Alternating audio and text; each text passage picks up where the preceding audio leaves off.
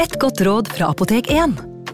Nå er snart pollensesongen i gang, og et godt råd til deg som sliter med pollenallergi, er å begynne behandlingen i god tid før allergisesongen starter. Da får du nemlig enda bedre effekt av legemidlene, og så blir ikke våren din helt ødelagt. Kom innom og få råd på ditt nærmeste Apotek 1, eller chat med oss på apotek1.no. Apotek 1 vår kunnskap, din trygghet.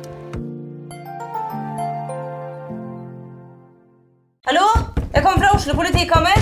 Ine Jansen er purk. Er du purk? The motherfucking bitch. Alt jeg vil, er å finne ut hva som skjedde med mannen min. Jon Carew. Er jeg sikta for noe? Iben Akeli. Det er du. Ole So, Lars Berrum og Big Daddy Karsten. Hvem sin side er du på, egentlig? Anette Hoff, Tone Danielsen, Kommer du fra Afrika? Jørnis Josef, Nesten. Kløfta. Trond Espen Seim, Det er synd å si det, men det var feil mann som døde. Purk. Premiere tirsdag på TV2 Play.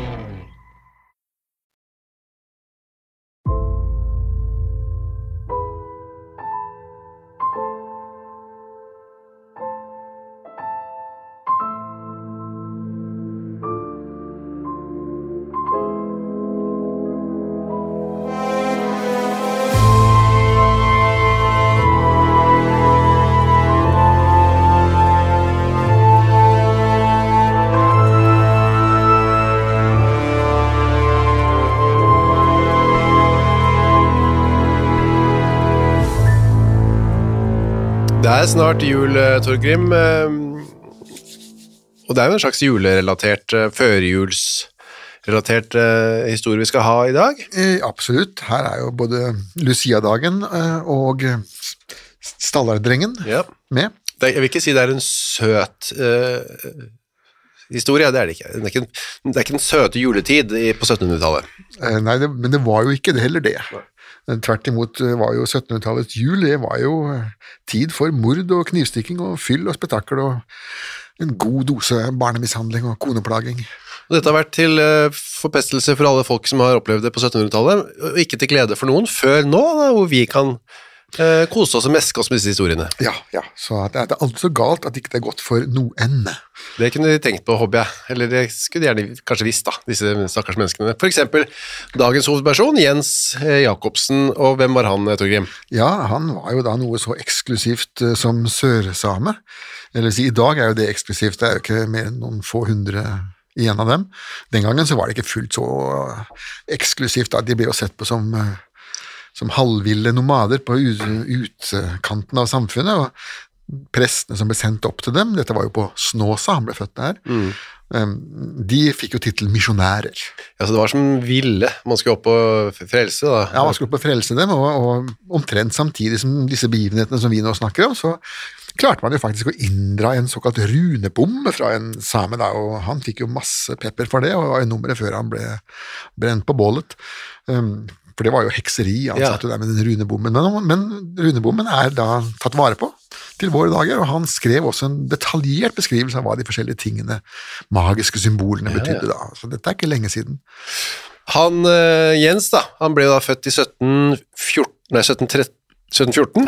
Eh, 1713 til 14. Han han Ja. var ikke så veldig nøye på det selv, og det var jo heller ikke de som skrev eh, kirkebøkene da. Nei, så cirka rundt det der. Um, han, eh, foreldrene hans døde tidlig, og da ble han eh, nettopp eh, tatt inn, da, om ikke adoptert, så eh, inn i liksom, den varme og trygge favnen til en som heter Petter Mus, som var misjonær. Ja, han var misjonær, og familien Mus de hadde vært prester i alle de herrens generasjoner. Det er altså ikke i slekt med Mikke Mus. Nei, og heller ikke med Rudolf Mus, eh, forfatteren.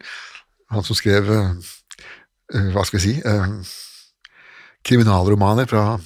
Kristianias forst, forstedere. Det er ikke det. Det er altså mus med to u-er. Ja, dette er mus med to u-er. Og han, eh, eller de musfolkene, de hadde vært som sagt prester i, i generasjon etter generasjon, og var noen skikkelig harde nøtter. Ja. Dette var pengepugere som vrei ut av menigheten det lille de kunne få, og hvis ikke de kunne få det, så lagde de triks for å få det til. Men hvorfor tok da Peter Mus eh, inn eh, Jens, lille Jens, som en sånn adoptivsønn, nærmest? Ja, eller som en husslave. ja, det kan man også kalle det, kanskje. En ulønnet uh, dreng. Eh, og det var jo det var slik man tok seg av foreldreløse barn den gangen. De ble plassert rundt på gårdene på det som ble kalt for legd. Og hvis vedkommende var ubrukelig, så måtte han da farte rundt fra gård til gård. Hvis han derimot var brukelig, så kunne man beholde ham som en sånn slags, eh, ja, som sagt, en ulønnet slave, da. Som kunne tjene ved å gjete dyr, mm, jobbe litt fysisk, og i, til, i motsett, ja, hva skal jeg si, som erstatning for den gratis arbeidskraften, da, så fikk han måltider og klær, og skulle da også lære å lese og skrive og bli konfirmert. Og Jens lærte jo da i det, i det finske språk, som de senere sa. Ja. Han måtte da lære dette på eh, sørsamisk, da. Ja, ja vel. Og så måtte han lære seg norsk, I tillegg, ja. ja, som annet språk. Ja, Han snakket egentlig samisk. Ja, dette var en, han, han måtte lære å lese på samisk først. Han ble konfirmert til slutt. Eh, ja, med et skrik, Ja. eh, kan det virke som. Eh, og han Mus var jo veldig fornøyd med at han klarte å få konfirmert og, og så mange samer som overhodet mulig, han, og skrøt jo av det. Ja. Men så var det biskopen som kom på besøk, til visitas, og fikk tak i noen av disse samene som hadde lært å lese og skrive, og eksaminerte dem, og da viste det at de kunne bare plapre utenat Ja. eh, det de hadde lært, men de skjønte ikke noe av det. Det var ren utenatlæring uten minste forståelse. Ja, Så det var, bare, det var egentlig bare for Petter Mus sin eh, heder da, at de kunne dette. Ja, altså enhver har jo sin måte å gjøre seg navnkundig på, og dette var hans, da. Ok, så da er Jens Jacobsen um, konfirmert og fyller 20, og da uh, skal han finne seg et yrke da. Da skal han ut og klare seg selv. Ja, det, det var jo ikke så veldig mange måter man kunne ernære seg på den gangen, da. Altså hvis ikke, Den hellige gral, det var jo gård. Men eh, for disse flyttsamene som bodde oppe i fjellene og hadde reinsdyr, så, så var ikke det noen hellig gral. Eh, De skulle ha stor, så stor flokk som mulig, de, men han kunne jo ikke det heller. Nei. Eh, Så da gjaldt det å finne seg et yrke, og da var jo hesteskjærer og merraflåer det var jo to av de eh, minst ansette yrkene som var. Ja, og det er da hesteskjærer, det er en som kastrerer hester. Ja, de, Det som skjæres, det er da ballene til eh, hingsten, da. Skjæres av, rett og slett. Ja, og kastes. Kastes på bål, eller brukes Ja, det? de, bare, de ble bare pælma. Det eneste kulturen jeg vet om som spiser testikler, det er islendingene. De har da saueballer som de eter. Det skal visstnok visst smake som leverpostei. Jeg har aldri gått så langt at jeg har um, spist det. Ja, skal smake som det, sa en person som hadde vært der og smakt saueballer. Og leverpostei, da. Ja, ja. Riktig, ja, for det er en sånn innvollsmak på det. Jeg har aldri, aldri smakt et testikler sjøl, men jeg tenkte siden de brukte De var jo flinke til å altså, bruke hele dyr og så videre, som vi lærer i våre dager. Ja da, men akkurat, akkurat testikler og kumage og sånne ting, og for ikke å snakke om fylt jur, og Ja. det der er på en måte kulinariske opplevelser som jeg har tenkt å gå i min grav uten å ha fått med meg, da. Det går greit uh, Ja, uten det. jeg klarer meg, klarer meg med andre pepperbiff og sånne ting, ja. Du har ikke prøvd rakefisk heller, du? Uh, nei, det har jeg ikke gjort. Men det har du tenkt å prøve det, eller? Nei. Nei, det var ikke det. nei. Nei, og Der støtter jeg meg til dr. Gisleson. Ja. Han mente man kunne få spedalskhet av å spise rakfisk. Ja, Så du er litt enig i det, du? Ja, jeg støtter meg på medisinsk ekspertise fra 1790 der. Greit. Eh, Uansett så ble han da hesteskjærer, og merraflår, eh, som altså trekker død, eh, huden av døde hester. Ja, Han kunne også flå bikkjer og katter hvis okay. de ble funnet døde. Og denne merraflåeren, i byene så fungerte han jo også som, som hundefanger. Og det var også et ille ansett yrke. Og det er det fremdeles en dag i dag. Hvis du husker tilbake fra president Nixon, så tok de et bilde av ham, og så sa de at han kunne ikke engang bli valgt til hundefanger. Det var liksom det lavest mulige yrket, og det var det på 1700-tallet også.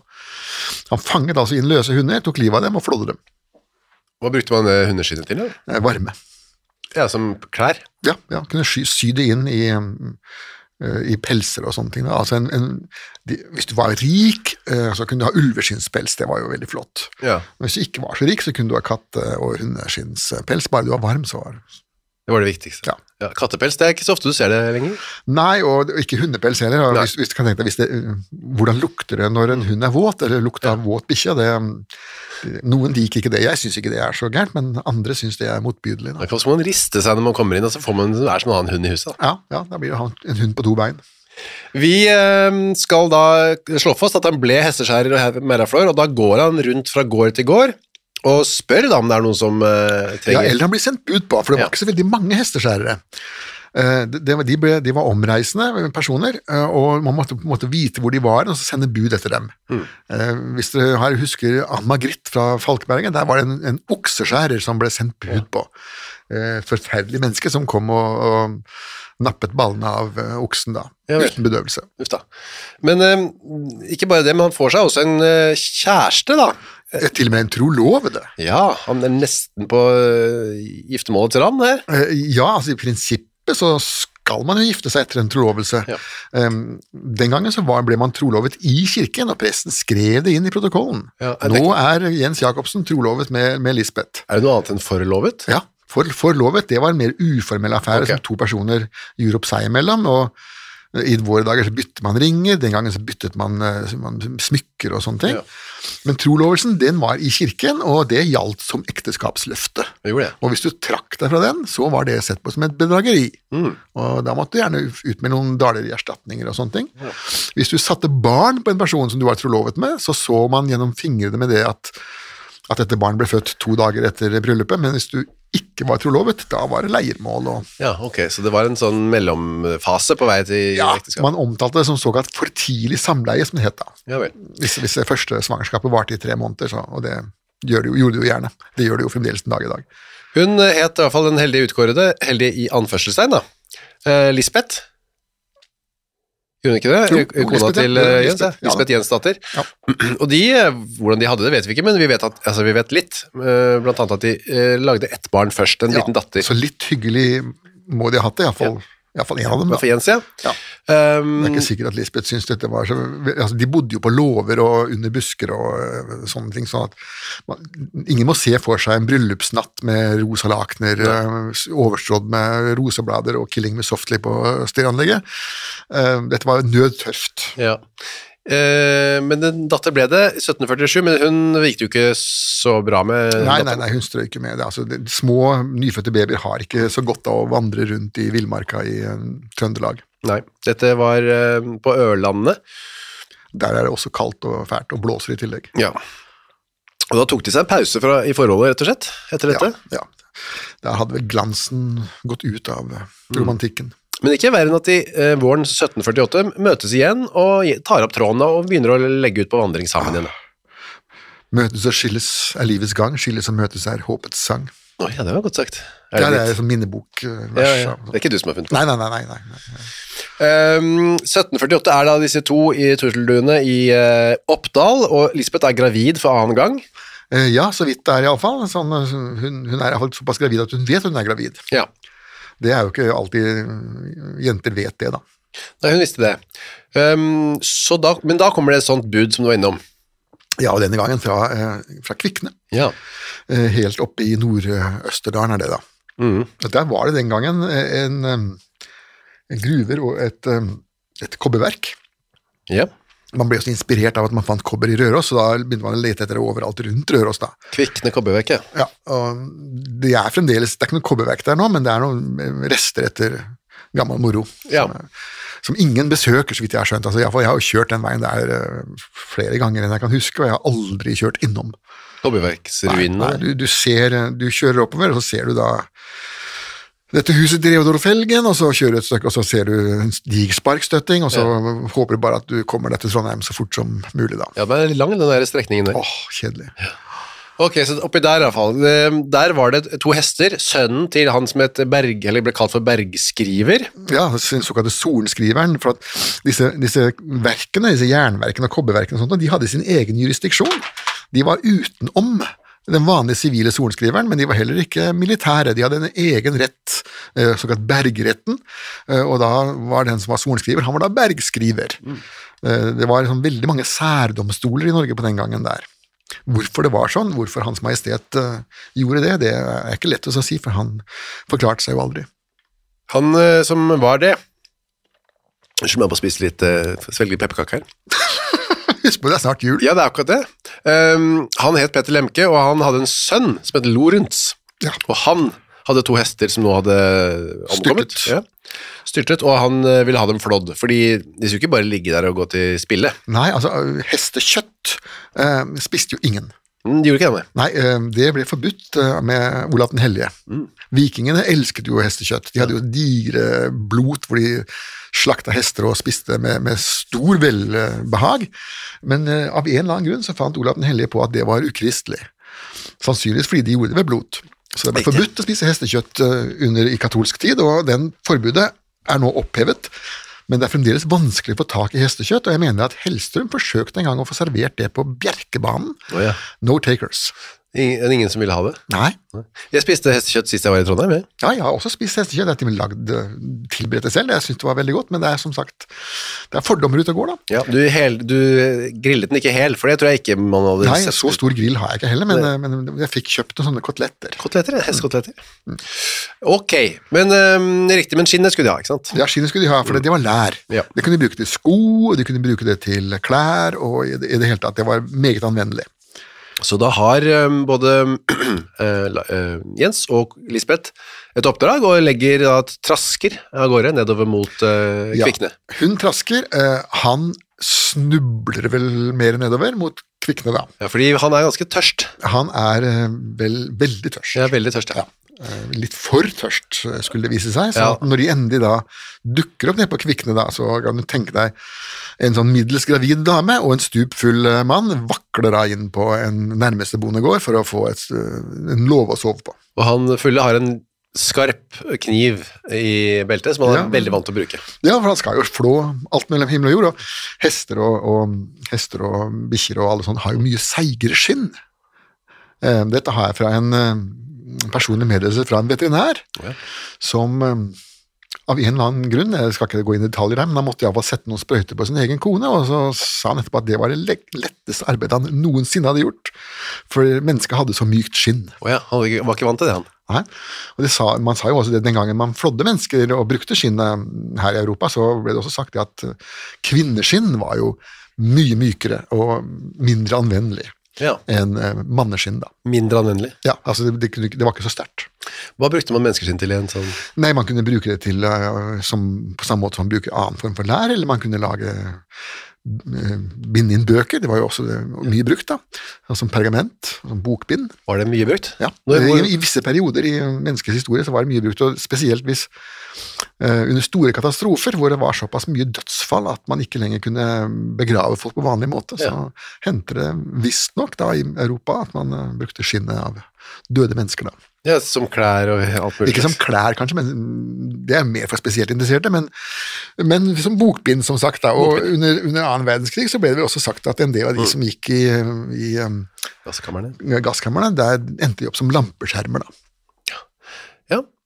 Nei, men vi, vi, vi kan ikke dvele med det, med det nå, mer ved det. Vi går videre til uh, Ole Eliassen, som var da navnet på bonden som hadde den gården hvor da Lisbeth og Jens kom uh, ramlende inn, Ja, og fikk, de fikk lov til å slappe av der på låven. Ja. Dette er på morgenen de kommer den 12. november 1748. Ja.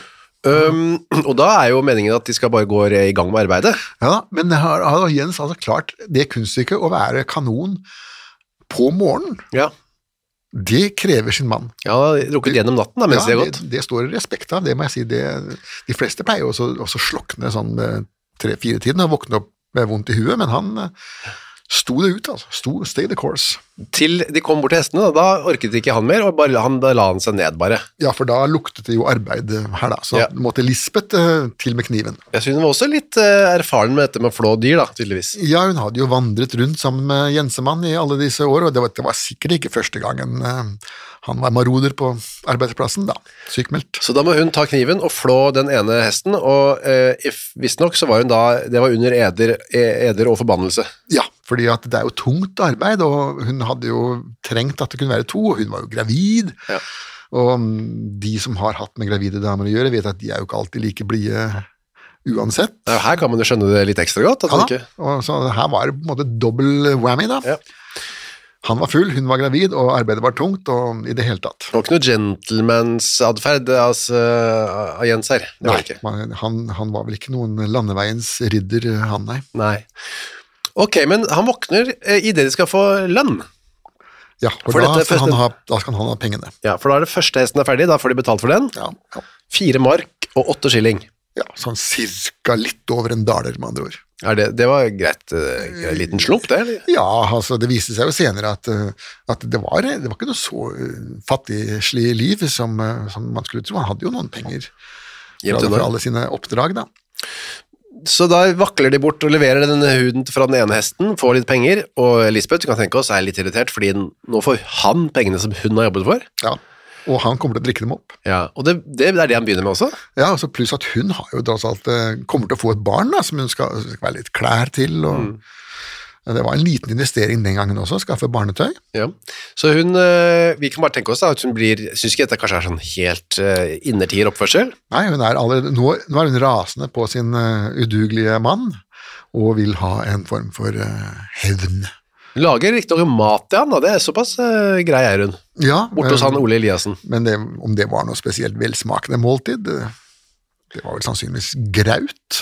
Men det gjør man da altså, når man er på besøk. Hun skal jo bare sove på låven, men man kan gå inn på kjøkkenet og begynne å liksom, stelle og stulle. Ja, hva skulle de ellers gjøre? Tenne bål i låven? Det var jo livsfarlig. Det var jo mye bedre å få dem inn på kjøkkenet hvor, eh, hvor, hvor det var noenlunde kontroll på levende, levende ild.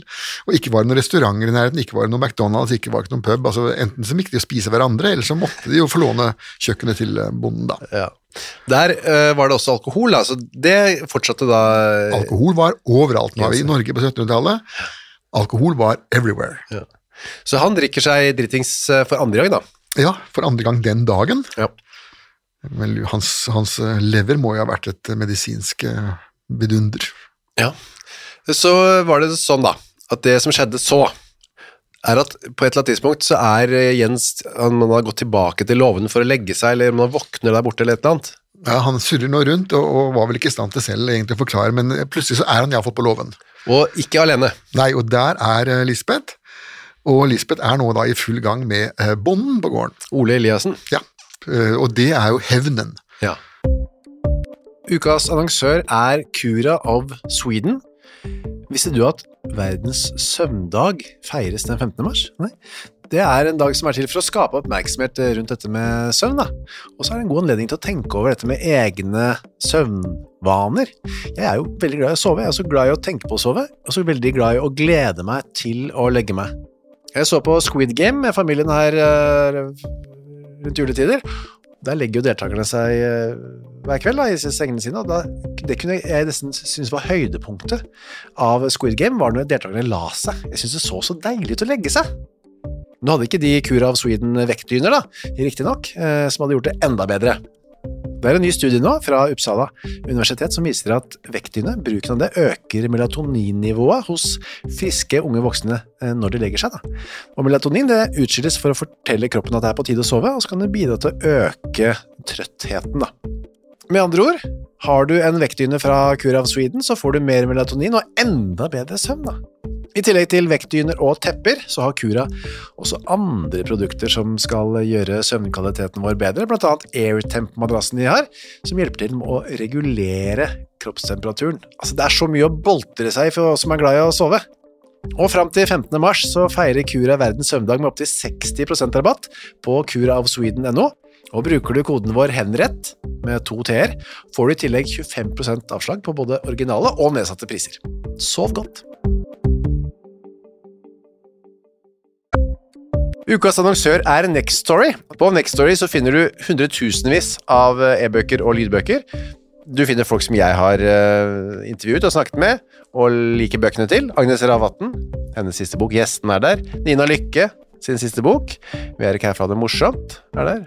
Og så er det jo det er krim, biografier, essays, eh, romantikk, sannhistorier, barnebøker, faktabøker, spenningsbøker, science fiction Alt mulig du kan tenke deg. Og også bok av uh, Torgrim Sørnes. De henrettede igjen, Ondskap, eksempel. Det er da uh, Torgrims gjennomgang av en del av sakene fra 1800-tallet, som endte da med halshugging, da, som de gjerne gjorde. Uh, for eksempel Kristoffer Svartbekken, da, denne snikmorderen fra um, Elverumsdraktene, som pryder også coveret, ser jeg, skummel type. Eller da, som sagt, forferdelig mye annet. Gå inn på nextstory.no skråstrek henrettelse registrer deg der, så får du seks uker gratis tilgang til nesten uendelig mange bøker. God fornøyelse. Eh, nå var jo altså Lisbeth som sagt moderat gravid, eh, og denne bonden Ole Eliassen hadde hun møtt den dagen. Ja. Eh, sånn at motivet hennes for å ha seg på låven, ser jeg iallfall personlig, ikke har noe med kjønnsdrift å gjøre, men det har noe med at nå ville hun bare gjøre dette opp i fleisen på mannen sin, slik at han kunne lide, slik som hun led. Så det han gjør da eh, han lar, Hun lar seg beligge eh, Ja, er ikke det et festlig uttrykk? Jo. Eh, Jeg satt i går og jobbet med en annen sak hvor det var en kvinne som ifølge sorenskriveren hadde latt seg bestige, Oh, ja, ja, ja. men det var riktignok av en okse, da. ja, det var det, ja. Så det var kanskje mer passende. Eh, å ja, ble hun halsbrent, eller? Eh, Nei, hun ble sendt til København på sin sykehus. Å, ja, ja. Hva skjedde med oksen? Uh, Den ble drept. Den ble drept, ja. Ok, men hun lot seg beligge av bonden, altså mannen i huset, sies det etterpå. Uh, men det Jens gjør, er at han venter. Han går ikke bardust inn og avbryter Nei, han forsøker nå enten å bli Det går ikke helt fram om han forsøker å bli edruere, eller om han forsøker å bli fullere, men han lar det gå litt tid. Hevnen er jo en rett som skal serveres eh, litt kald, da. Ja. Om ikke helt kald, så iallfall litt avkjølt. Ja. Så da eh, gjør de seg ferdig der. Ole går tilbake til sitt eh, hus, hvor han bor. Og sin kone og sine barn. Ja. Nå har han vært på låven og jobba for kvelden. Og eh, da eh, eh, konfronterer Jens begge to da, med det. Og Ole aldeles benekter, står det. Han aldeles nekter. Ja, nei da, ja, jeg er uskyldig. Mens Elisabeth Lisbeth er mer konfronterende tilbake og skjeller ut mannen da, som hadde dukket opp. eh, Angrep er det beste forsvar. ja, så Men det, det hun nå gjør, er jo å eskalere situasjonen. ja. Eh, og det å eskalere situasjonen med en sjalu mann som er full og har skarp kniv, og som i tillegg vel ikke er den eh, vasseste kniven på jordet i huet, Ja. vel, lykke til. ja, det gikk ikke så bra heller. Nei, For det de gjør nå, de krangler seg da tilbake igjen til, for han har sikkert gått inn da på eh, våningshuset og, og snakket, med, snakket med dem. ja. Men så krangler de seg ut på låven, og så på et eller annet tidspunkt så sier vel de ja, vi får bare legge oss. ja. Eller, eller nå er vi så trøtte og fulle, og, eller jeg er så full, og du er så gravid, og Ja. nå Nå gidder vi ikke mer. Nei. Så hun, eh, Lisbeth kler av seg for å sove, som han egentlig ikke gjorde alltid. Ja, Hun kler jo ikke helt av seg, eh, men, men når man sier at hun kler av seg, så blir hun tar av seg yttertøyet. Da. Ja. Eh, Disse damene hadde jo flere lag med, med skjørter. Mm. så, det hun lå i til slutt, var jo sannsynligvis en, en serk som var inner, innerklærne, som de da aldri vasket. Ja. Um, det Jens gjør noe annet, da. Ja, Han bruker nå kniven sin igjen, da, for, eller for første gang den dagen. Han hadde jo ikke deltatt så veldig mye i arbeidet, men nå skjærer han da magen over på sin egen frue, da. Ja. Så tarmene tyter ut. Ja, Velter de, ut. De gjør gjerne det. Ja, de gjør det, kanskje det. Ja, det er, det er, jo, det er jo et trykk, det er jo et økt eh, La oss si sånn, hvis du åpner bukhulen, så, og, så hvis da du øker trykket ved å eksempel skrike mm. så tyter jo tarmene ut. Gjør det. Så det må du ikke gjøre hvis du blir Ja, hvis du ikke sier noen ting og klarer å holde pusten, så er jo tarmene på plass av tyngdekraften, men Ja. i det øyeblikket du begynner å puste, så skyves du ut. Au. Er ubehagelig. La oss satse på at både vi og lytterne slipper å oppleve akkurat den, det dilemmaet der, da. puste eller miste tarmene. Ja, ja, ja. Nei, det, er, det, å få, det å få åpnet buken og tarmene renner ut, det er ille i dag og det, men den gangen var jo det helt eh, Det var døden på mørkeloftet, det. Hun eh, dør ikke, da. I hvert fall ikke. Altså, ikke ennå. Hun Nei. reiser seg opp og går nå eh, med tarmene sine og samler de sammen. Jeg har dem som nærmest i, i hånda under magen, da, Ja. som, som, som, som et lite forkle. Og går inn i våningshuset og bejamrer seg ille, sies det etterpå, da. Ja, så, så, det, det ville vel de fleste av oss gjort. Hvis vi hadde gått rundt med et digert høl i magen og tarmene utapå, så hadde vel også selv den stauteste her hadde vel jamret litt, da. Jeg hadde ikke Jeg hadde, ikke, jeg hadde gjort gjort det. Jeg Det tror jeg hadde sikkert. vært også i veldig dårlig humør Ja. da. Lisbeth sier da til viser, viser fram dette såret og disse tarmene til eh, Ole, og sier det er mannen min som har gjort det. Ja. Han har omkommet et tvende liv, sier han. Med Hun, andre dette, med andre ord så mener hun selv at hun er gravid med et foster som spreller. ja. Altså med andre ord over eh, 16 uker gravid, over fire måneder gravid. da. For Man tenkte sånn på 1700-tallet at før du kjente at barnet sprellet, så var det på en måte ikke noe liv. Oh ja, ok. Man tenkte seg at da, da, var, da var det en abort. Mens uh, i det øyeblikket barnet hadde sprellet, så, så hadde da dokumentert at det var levende, og da, hvis du drepte en gravid dame da, så, så ble du dobbeltmorder. Riktig. Så er det Jens ligger an til å være Ja, og da var det null pardon uansett eh, for den morderen. Jens eh, er nå øh, Om han er fornøyd, vet jeg ikke, men han er i hvert fall føler han har utført det han skulle. Han har iallfall gjort én jobb den dagen, da, og så da kan han jo trygt legge seg til å sove igjen. Ja, det gjør han òg. Og sover noen timer. Ja, det, det Dårlig samvittighet er heller ikke noen sånn slett eh, sovepute. Nei. Nei, tvert imot. God samvittighet er bedre, men, men det går fint an å sove med dårlig òg. Ja, Har jeg forstått. Ja, ja, ja. Uh, han eh, sliter ikke med det, han sovner, og etter noen timer så våkner han, og da går han inn igjen til Ole Eliassen, til stua, og der ligger da kona på gulvet. På en skinnfell. Ja, Kanskje muligens til og med hesteskinnet, hva vet jeg. ja det samme fra Ja, det var jo såpass ferskt, det, det må jo garves først. Ja, Og det prepareres, og så det det Jeg tror ikke man drar det inn i stua, selv ikke da. Ikke samme dag, nei. Nei. Saueskinn, kanskje. Der lå hun i hvert fall med tarmene ute, og hun er ikke død da. Nei, men, eh, men døende. Da. Ja. Hun sier, se hva gjerning du har gjort. Mm, ja, ja. Anklagende pekefinger. Ja.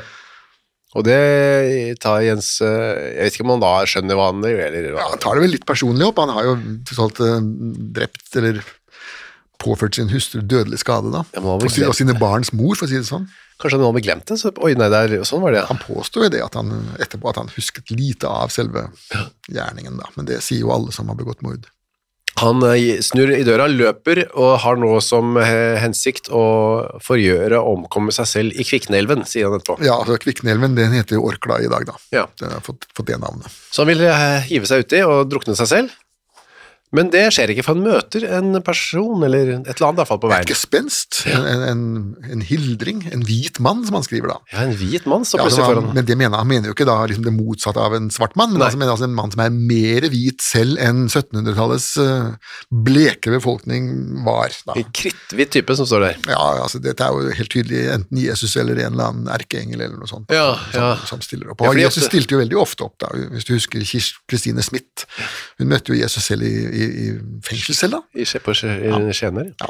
Ja, så hadde han tatt seg en tur til Kvikne og sa ikke drukn deg, ikke ta livet av seg selv, for det er en stor synd, det er noe sånt nå. Ja, Det er jo ikke bare en stor synd, men det, det, ryktene gikk jo den gangen blant befolkningen i Norge at du gikk jo direkte til helvete hvis du tok livet av deg, Ja. og ble der. Eh, og hvis du husker Draumkvedet, Ja. Eh, Olav Ostesson som lå der og, og drømte, eh, og der var jo også disse selvmorderne, de befant seg jo fremdeles i helvete og ble pint. Jo, ja, så det har alltid vært en sånn uh... Ja, Dantes, eh, Dante skrev jo også om han tur, han gikk jo også en tur i helvete og fant selvmorderne der, da. Ja. Frosset ned i isen. Så da, med tanken på dette, blir han omvendt fra den uh... Ja, den tanken, da, eh, Jens, og ombestemmer seg, går heller og legger seg på en låve. Igjen. Igjen, ja. Han hadde et utrolig sovehjerte. ja. Men der ble han faktisk i tre døgn, da. Ja, så, så, og, som sagt, og da ble han jo edru. Ja. Eh, tre døgn, eh, selv med hans eh, hva skal si, mm, sannsynligvis veldig høye promille, da, så må jo den ha blitt forbrent i løpet av tre, tre dager. Der lå han bare og ventet og håpet på at alt skulle roe seg og gå over, at folk skulle glemme dette, eller hva? Jeg, Ja, men hva skal man gjøre? Altså, det han kunne ha gjort, en fornuftig mann, hadde vel lagt på s- sprang og, kommet seg over grensen til Sverige. Eller opp i fjellene til eh, der hvor de andre samene Ja, hans, eh, Familien hans var. ja, familien. Alle de tingene kunne han ha gjort, men han gjorde ikke det. Han ble på stedet. Han lå i et sikkert godt og mykt, da, og kanskje litt varmt og deilig også. Ja, og det kan jo også være at Jens Jacobsen på dette tidspunktet hadde gitt litt opp. Ja, han skjønte hva, hvor dette skulle ende. Ja, pluss at eh, hvis du tenker på det livet han levde, å miste det livet der var kanskje å miste lite. Ja. Han blir i hvert fall angitt av en svensk eh, omstreifer da, som er ute og går, og så finner han der. En fant. Ja, fant, som det kaltes, ja. Ja. Uh, det ligger en mann på låven. Uh, ja vel, sier de, og vi arresterer han, da. Det er noen fra kobberverket, da. Noen sånne Betjenter, ja. betjenter. ja. ja at eh, Kobberverket hadde sin egen lille politistyrke, rett og slett fordi at det ble jo stjålet kobber. Ja.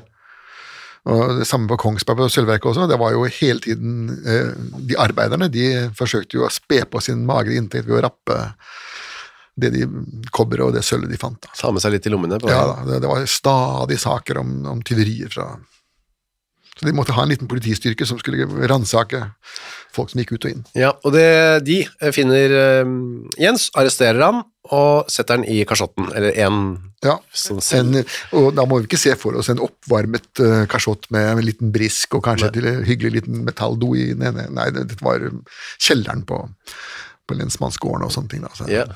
Kaldt og jævlig og fælt. Der skulle han få lov til å sitte en stund, fordi nå egentlig ville de nå uh, ha et slags um, ekstra, en ekstra rettssak, ikke vente på disse sesongrettssakene. som- Nettopp. Dette, de, de, de faste tingene hvor man vandret rundt. Vårting, sommerting, høsting og sånne ting. Nei. Ja. Nei, eh, de ville ha et ekstra, fordi det var så alvorlig da, sikkert. Ja, og det var en sånn kongelig forordning som også gikk på det at for å spare penger, så skulle man, hvis det var snakk om en, eh, en straffesak, så kunne man lage en ekstrarett, men da måtte man søke om det. Altså Man kunne ikke bare si at nå lager vi det her oppe i Kvikne, da måtte man til København og via stiftsamtmannen og gå i linjen opp og ned og få tillatelse til å ha ekstraretten. Men det fikk de ikke. De fikk ikke lov til det. Nei, for det koster jo penger. Også, man måtte lage en liten beregning. Hva koster mest? Koster det å ha denne fyren sittende i kjelleren Ja. til vi skal ha neste ting, eller innkalle ekstra sorenskriver og fogd og hele greia, og skal de betale betalt? Hva er, hva er den økonomiske balansen, kroner og øre? Dette er jo norsk offentlig administrasjon, og der er det jo pengene i kassen som betyr alt. Så rettssaken den begynner ikke før, dette var altså november i 1748, nå går det til 24. mars 1749. Ja, så han satt liksom våren Ja. eller, I Kvikne så begynner vel ikke våren før langt ut i juni, men eh, han, han satt iallfall der til det vi ville kalt for vårtiden. da. Ja. Og da begynner rettssaken, og da er det eh, Jens Jacobsen da, som sier at han husker ingenting. Nei da, det, det er, nå er det borte. Og det kan jo være sant også. Det, altså, hvis man er såpass gjennomalkoholisert, så kan man ha hatt noen blackouts, men det kan også selvsagt ha løyet. Han har tilstått, men han sier etterpå, også i rettssaken, at uh, det er fordi andre sier at han har gjort det, og han, har hell, han altså heller ikke vetes annet. Var, Men hvem skulle det ellers ha vært? Ja, det vært? måtte vært Ole Eliassen, hvorfor skulle han gjøre det? Han hadde jo ikke noe motiv i det hele tatt. nei, nei, han Ja, han hadde hadde jo brukt instrumenter, han også, på, på Lisbeth, men det var jo ikke dødelige Nei. instrumenter, da. Så da sier aktor, du, du skal eh, drepes, Jens. Ikke bare drepes, men eh, du, får hele pakka Ja. med tau og Eller tau Trekkes med nattmannens sluffe. Og eh, knipes og halshugges av hånd, halshugges og hånden av. Og, Glødende trenger fem ganger. Ja. Og opp på steile hjul og mat for kråkene. for det var det som de som myrdet ektefellen sin. Ja, det var forordningen av 1697, som gikk på den som myrdet ektefeller eller arbeidsgiver. Ja. Eller far eller mor. Altså, det var jo sånn eh, Det å ta livet av far og mor og ektefelle er jo kanskje litt, sitter litt langt inne. Det å ønske livet av arbeidsgiveren sin er det vel ganske mange av oss som til tider har Ja. vært inne på den tanken, men eh, den gangen så var arbeidsgiver in loco parentis, altså han var, han var i foreldrenes sted. Det var det kalt for matmor. Ja. Hvis du var bondekona som du jobba for, hun var da din matmor. Og eh, bonden som du jobba for, han var da din husbonde. Ja. Ikke husband, men altså husbonden. Det er der det kommer fra. Ja. Um, forsvareren, eh, som heter Glørsen, prøver å si um, Nei, det var ikke Glørsen som var forsvarer. Uh, forsvareren til Jens, hva het nå han? Uansett så sier han at han var så full, så det, det må jo være greit å frifinne han, i hvert fall ikke dømme han til døden. Nei da. Uh, Og Glørsen var jo aktor her. Da, Aktor, ja. mm. Så han var jo litt mer skarp, og familien Glørsen har jo senere blitt uh, både um, har vært advokater og, og sorenskrivere i, i, i årrekker og generasjoner. Hjort het eh, forsvarer. Men Glørsen sier nei, eh, det er nok heller sånn at en drukken menneske viser desto større kjennetegn på sitt hjertes malité, sier han. Ja, med andre ord, det Hjort mente, var det at Fylle hadde skylda. Mm. det Glørsen da svarer med, det er at når folk blir eh, så onde, så er det fordi de er onde. Det er i fylla de viser sitt sanne ansikt. Eh, resten av livet så tar de seg på tak Ja. og gjemmer hvem de egentlig er. Og Det kan være at Glørsen har et poeng der, eller hadde. Han er jo også selv nå vandret over i ja. advokatenes himmel. Han øhm, fikk nå i hvert fall øh, på en måte medhold. Eh, Glørsen, altså. Ja. Det, fylla var ikke noen unnskyldning da som det er nå. Nei, altså fylla var ikke, Det var ikke bare at fylla ikke var noen unnskyldning i, i, i dansk-norsk rett på 1700-tallet, det var en skjerpende omstendighet. Ja. Eh, Kongen hadde jo en forordning som sa det at hvis personen hadde begått et eller annet deliktum i fylla, og det var bevist at han var full, så skulle straffen dobles. Bøtene skulle dobles, skulle doble bøter. Eh, Når det gjaldt dødsstraffsaker, så kan man jo ikke hogge huet av to ganger. Man kunne jo kanskje det, men det hadde ikke vært så mye vits i Det er det. ikke så mye vits. Nei, det har jo bare én hals. Bare én hals hver. Ja. Sånn at fylla var eh, skjerpende omstendighet. Så da blir jo dommen um, at han skal uh, knipes, slepes. Knipes og slepes og hogges og steiles og Ja. stakes. Men eh, greit nok, ok, men da vi skal ha en appellsak, eh, så da drar de han eh, ned, eller kjører han i en vogn, eller hva de gjør? Ja. Helt ned til Kristiania?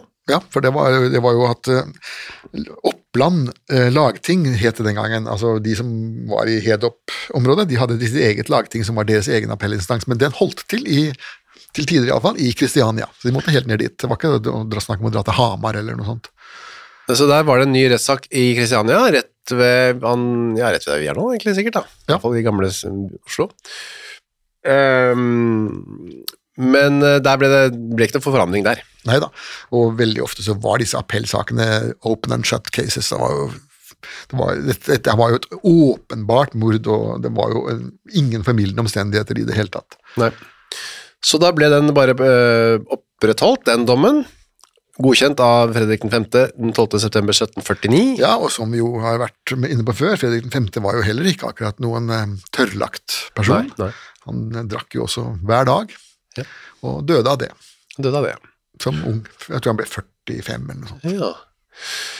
Han rakk å godkjenne denne dommen, og da er det ikke noe å lure på, men da skal altså Jens, eh, som har blitt dratt helt ned til Kristiania fra Kvikne, opp igjen hele den lange veien gjennom Østerdalen, som vi var inne på, er ganske lang og monoton, alle- altså i våre dager òg, i bil. Og den gangen var den vel enda mer eh, monoton, og spesielt hvis du da vet at i enden på denne reisen, så venter da herr Skarpretter eh, Ledel på, på deg da. Med noen, du skal ikke bare halshugges, du skal også tortureres ganske mye først, og ydmykes. Ja, han kommer opp der med alle sine parafernalier og fyrfat med glødende kull og det hele. Tenk å se den reisen oppover der i november i, og desember i 1749, Julen nærmer seg.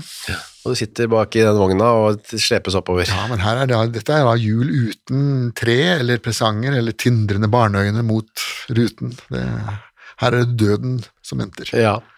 Så da er det tilbake igjen til eh, 13. desember 1749, altså Lucia-dagen. Lucia-dagen, ja. Mm. Svart senker natten seg, Ja, i stall og stue. det gjorde den også. Ja, så til de grader. Men det var ikke noe Var det sånn um, barn At man sto opp tidlig og dro i barnehagen og så på barn? Nei, nei, nei, det, det er jo helt nytt. Det var ikke noe jeg var gutt engang. Det ikke det? Nei, nei, det er noe som er kommet i Det kom vel omtrent når jeg fikk barn selv, tror jeg. Ja. Og det er en sånn 30-40 år siden. Så 80-tallet-aktig? Ja, så, så før det så vi, vi gikk aldri noe Lucia-tog eller så noe Lucia-tog. Det var ikke så mye Lucia-greier, det. Nei, nei, nei, det en- var en svensk skikk. det. det var, altså, våre svenske slektninger de snakket jo om det, og bakte lussekatter og sånne Ja. ting, men i Norge så var ikke det i min barndom noe aktuelt. Så det var ikke noen lussekatter å få for Jens? Nei, det var ikke noe, var ikke noe få i det hele tatt. Jo, han fikk eh, sannsynligvis ett glass vin, for det skulle han da, Ja. ifølge kirkeritualet, skulle alle henrettede forbrytere få et glass vin før eh, siste reis.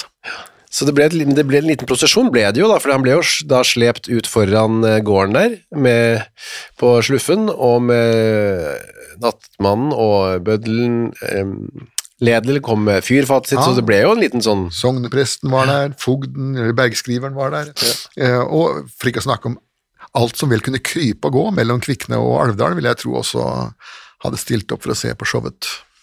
Denne morgenen, kan vi tro at det var. Ja, men det, man sto jo tidlig opp Ja. den gangen. Ja, så det var det det, det var liksom julens høydepunkt det da for dem. Vet, jeg vil tro det var årtiets uh, høydepunkt.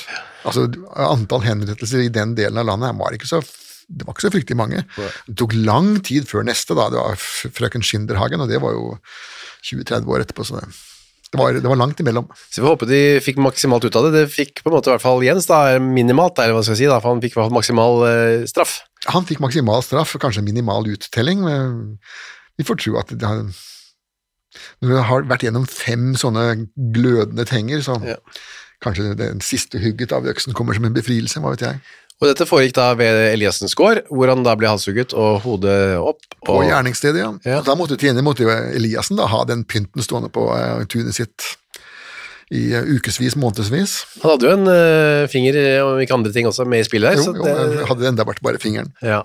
Eh, så det var jo sikkert noe for altså familien det da, å ha hengende på tunet der. Ja, jeg vil tro at eh, resten av gården, spesielt når da sommeren kommer da, eh, vinteren er jo ikke så gærent, da er jo alt frosset, men så kommer sommeren, og da begynner jo disse likrestene å tyne opp Mm. da, og kråkene kommer tilbake, og Begynner å lukte litt. det blir jo en viss sånn her, eh, vi har jo noen eksempler på at folk har nektet å ha dette på, på gården sin da, Ja. men det, Det var jo ikke før på 1800-tallet at man begynte å ta hensyn til sånt. Nei, så denne julen måtte de leve med litt ekstra pynt på tunet? Ja, ja, ja, Ikke på juletreet, for det hadde de jo ikke, men eh, på tunet, ja. Ja, ja. Nei, men Man det var man kunne gitt vår dag hadde man kanskje hengt opp noen røde og blå, lykter og rundt, rundt det. ja, girlander og sånt. Ja, det var litt Pynt. Det var den lille julefortellingen vår. Ja, da får vi bare ønske, ønske alle lytterne gledelig jul, da. Vi rekker tilbake før, med én historie til før um, nyttår. Vi skal klare det.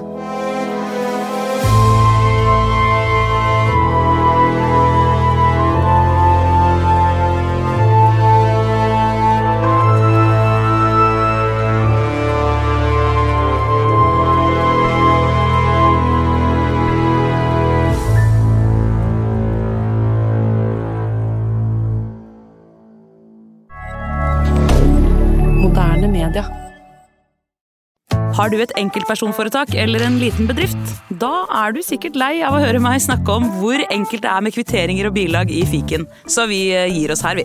Fordi vi liker enkelt. Fiken superenkelt regnskap. Hei, takk for at du hører på Henrettelsespodden. Skulle du ønske at du kunne høre en ny episode av denne podkasten hver eneste uke? Ja, da er det bare å laste ned podkastappen Untold med en gang. I tillegg til at du får da Henrettelsespodden en gang i uka, så får du andre ukentlige podkaster som Historiepodden, True Crime-podden og Gangsterpodden, for å nevne noe. I tillegg til masse annet reklamefritt og eksklusivt innhold, blant annet noen godbiter, da, signert Torgrim og meg. Last ned Untold i AppStore eller på Google Play, og start din 30 dagers gratis prøveperiode i dag.